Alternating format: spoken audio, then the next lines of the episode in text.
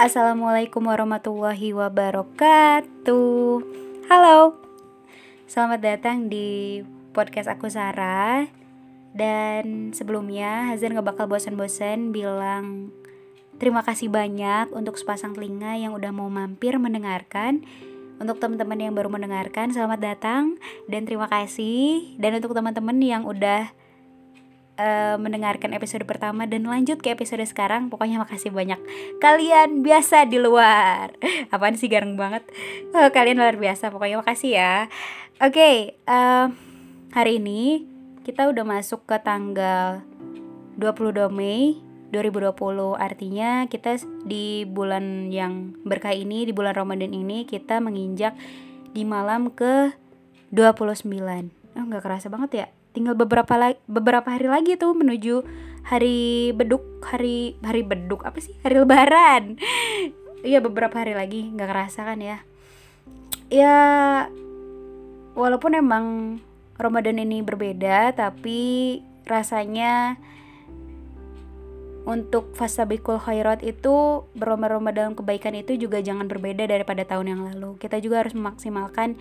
Kalau misalnya tahun lalu maksimal, bulan ini juga harus maksimal insya Allah ya. Eh dan kali ini di podcast aku Sarah hmm, bakal ngebahas tentang salah satu yang istimewa di malam 10 malam sep, aduh kok ribet ya ngomongnya? 10 hari terakhir di bulan Ramadan ini. Um, kayaknya teman-teman udah pada tahu semua pastinya.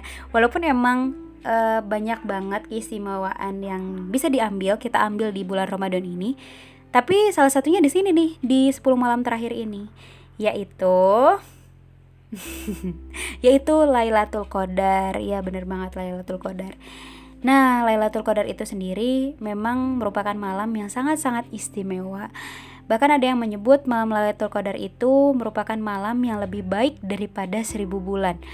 Waduh, wow sekali ya pokoknya seribu bulan. Eh, keren banget sih emang, karena saking istimewanya, saking istimewanya Lailatul Qadar itu sampai Allah Subhanahu Wa Taala menjanjikan pada semua umatnya yang beribadah dengan sungguh-sungguh di malam Lailatul Qadar itu bakal diampuni dosa-dosanya di masa lalu terus bakal dikabulkan hajat-hajatnya dan mendapatkan pahala yang berlipat ganda. Hmm, catat tuh ya.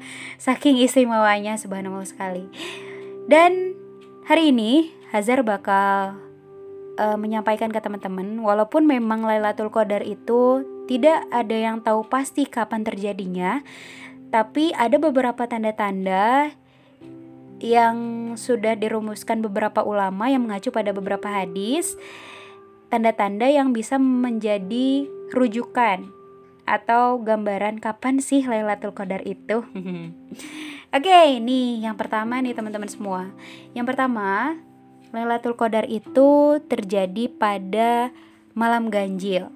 Jadi malam ganjil kayak 21, 23, 25, 27 sampai 29. Jadi malam Lailatul Qadar itu menurut para ulama terjadi pada malam-malam ganjil dan ini bukan uh, bukan cuma pendapat tanpa landasan tapi ini berlandaskan pada sebuah hadis yang berbunyi Carilah Lailatul Qadar pada malam ganjil di 10 hari terakhir di bulan Ramadan. Hadis riwayat Bukhari. Nah, itu jadi Lailatul Qadar itu terjadi pada malam-malam ganjil, teman-teman semua. Dan yang kedua, tanda-tanda yang kedua, matahari tidak terlalu panas matahari tidak terlalu panas ya. E, matahari yang bulat di atas itu ya bukan matahari yang jualan baju. Jadi e, pada saat itu sinar matahari itu nggak terlalu panas cenderung redup gitu cuacanya sejuk adem-adem sepoi-sepoi gitu ya. Dan ini juga mengacu pada salah satu hadis yang berbunyi malam itu adalah malam yang cerah yaitu malam ke-27 dari bulan Ramadan dan tanda tanya tan, tanda tanya tanda tandanya adalah pagi hari mataharinya terbit berwarna putih tanpa sinar yang menyorot. Artinya ha itu hadis riwayat muslim. Maaf ya kalau beribet. Jadi hadis itu merupakan salah satu bukti bahwa pada saat itu matahari nggak terlalu panas. Jadi sinarnya eh, nggak uh, terlalu mencolok lah. Agak-agak redup sejuk gitu. Oke. okay Terus tanda-tanda yang ketiga. Tanda-tanda ketiga ini malam harinya tampak tampak terang, nggak mendung, nggak panas, nggak dingin, pokoknya adem aja lah gitu ya. Walaupun emang bulan pada saat, saat itu nggak kelihatan sepenuhnya, tapi langitnya cerah karena uh, katanya pada saat itu langit itu tidak tertutup uh, tidak tertutup oleh awan. Nah, dan mengacu pada salah satu hadis juga nih teman-teman semua yang berbunyi sesungguhnya tanda tanda Lailatul Qadar itu adalah malam yang cerah, terang seolah-olah ada bulan. Malam yang tenang dan tentram, tidak dingin, tidak pula panas. Dan pada malam itu tidak dihalalkan dilemparnya, dilemparnya bintang sampai pagi harinya. Dan sesungguhnya malam Lailatul Qadar adalah matahari di pagi hari terbit dengan indah, tidak bersinar kuat seperti bulan purnama dan tidak pula dihalalkan bagi setan untuk keluar bersama matahari pagi pagi hari itu. Hadis riwayat Ahmad. Terus tanda-tanda keempat, merasakan nikmat ibadah. Jadi pada malam itu uh, kita yang menjalankan ibadah pada saat itu benar-benar merasakan sangat-sangat nikmat dibanding malam-malam sebelumnya. Entah karena memang begitu istimewanya malam itu sampai Allah memberikan sebuah kenikmatan untuk beribadah kepadanya. Begitu teman-teman. Terus nomor 5 tanda-tandanya adalah angin berhembus dengan tenang dan lembut jadi adem ayam sepoi-sepoi gitu ya. Nggak nggak nggak anginnya kencang enggak angin nggak ada angin juga enggak pokoknya ya enak aja gitu anginnya. Uh, mungkin karena karena Allah pada saat itu mengembuskan angin yang lembut dan sejuk agar bisa agar umatnya itu bisa merasakan kesejukan dan ketenangan ketika beribadah pada malam hari itu. Dan terakhir, tanda-tandanya adalah diperlihatkan pada mimpi orang mukmin. Nah, pada malam itu, pada malam Lailatul Qadar, uh, ada tanda-tanda salah satunya malam Lailatul Qadar itu diperlihatkan di dalam mimpi seseorang. Itu pun mengacu pada salah satu hadis yang berbunyi dari sahabat Ibnu Umar radhiyallahu anhuma bahwa beberapa orang di sahabat beberapa orang dari sahabat Nabi diperlihatkan malam Lailatul Qadar dalam mimpinya oleh Allah Subhanahu wa taala. Kemudian Rasulullah Shallallahu alaihi wasallam berkata, aku melihat bahwa mimpi kalian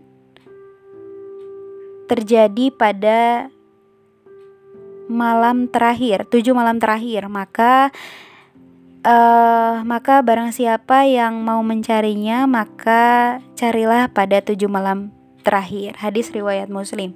Nah, itu tadi beberapa tanda-tanda Lailatul Qadar yang bisa kita jadi acuan tapi lepas dari itu ya teman-teman uh, jangan sampai gara-gara ada 10 malam terakhir ini jadi kita cuma maksimalkan 10 malam terakhir gitu tapi awal-awalnya nggak maksimal sama sekali jangan sampai ya pokoknya tetap harus maksimal dari awal dan lebih maksimal lagi di 10 malam terakhir itu emang harus dilakukan gitu karena kenapa Kenapa malam malam Lailatul Qadar itu tidak tidak diketahui?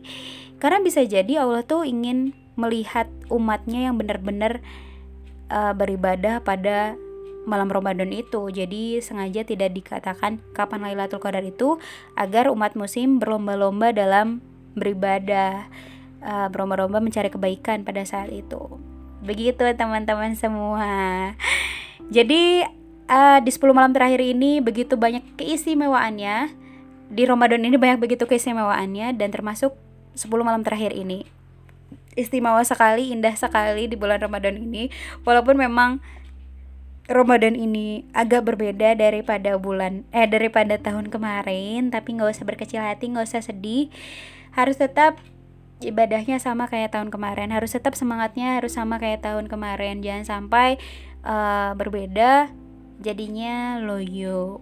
Jangan sampai ya. Pokoknya semangat terus untuk kalian dan hazard juga tetap jaga uh, jaga kesehatan dan buat teman-teman yang mungkin belum bisa pulang tetap masih di perantauan dan gak bisa lebaran bareng keluarga nggak usah sedih. Kita sama-sama berdoa mudah-mudahan uh, musibah yang sekarang kita lewati ini mudah-mudahan cepat berlalu dan kita semua bisa berkumpul lagi sama keluarga. Ya ya nggak usah sedih masih banyak teman-teman juga yang masih perantauan dan kalian adalah orang-orang kuat. Oke, okay, teman-teman semua, terima kasih untuk uh, mau mendengarkan sampai akhir. Mudah-mudahan kita diberi kesehatan dan umur panjang untuk um, ketemu lagi di podcast aku Sarah selanjutnya. Terima kasih banyak untuk semuanya. Wassalamualaikum warahmatullahi wabarakatuh.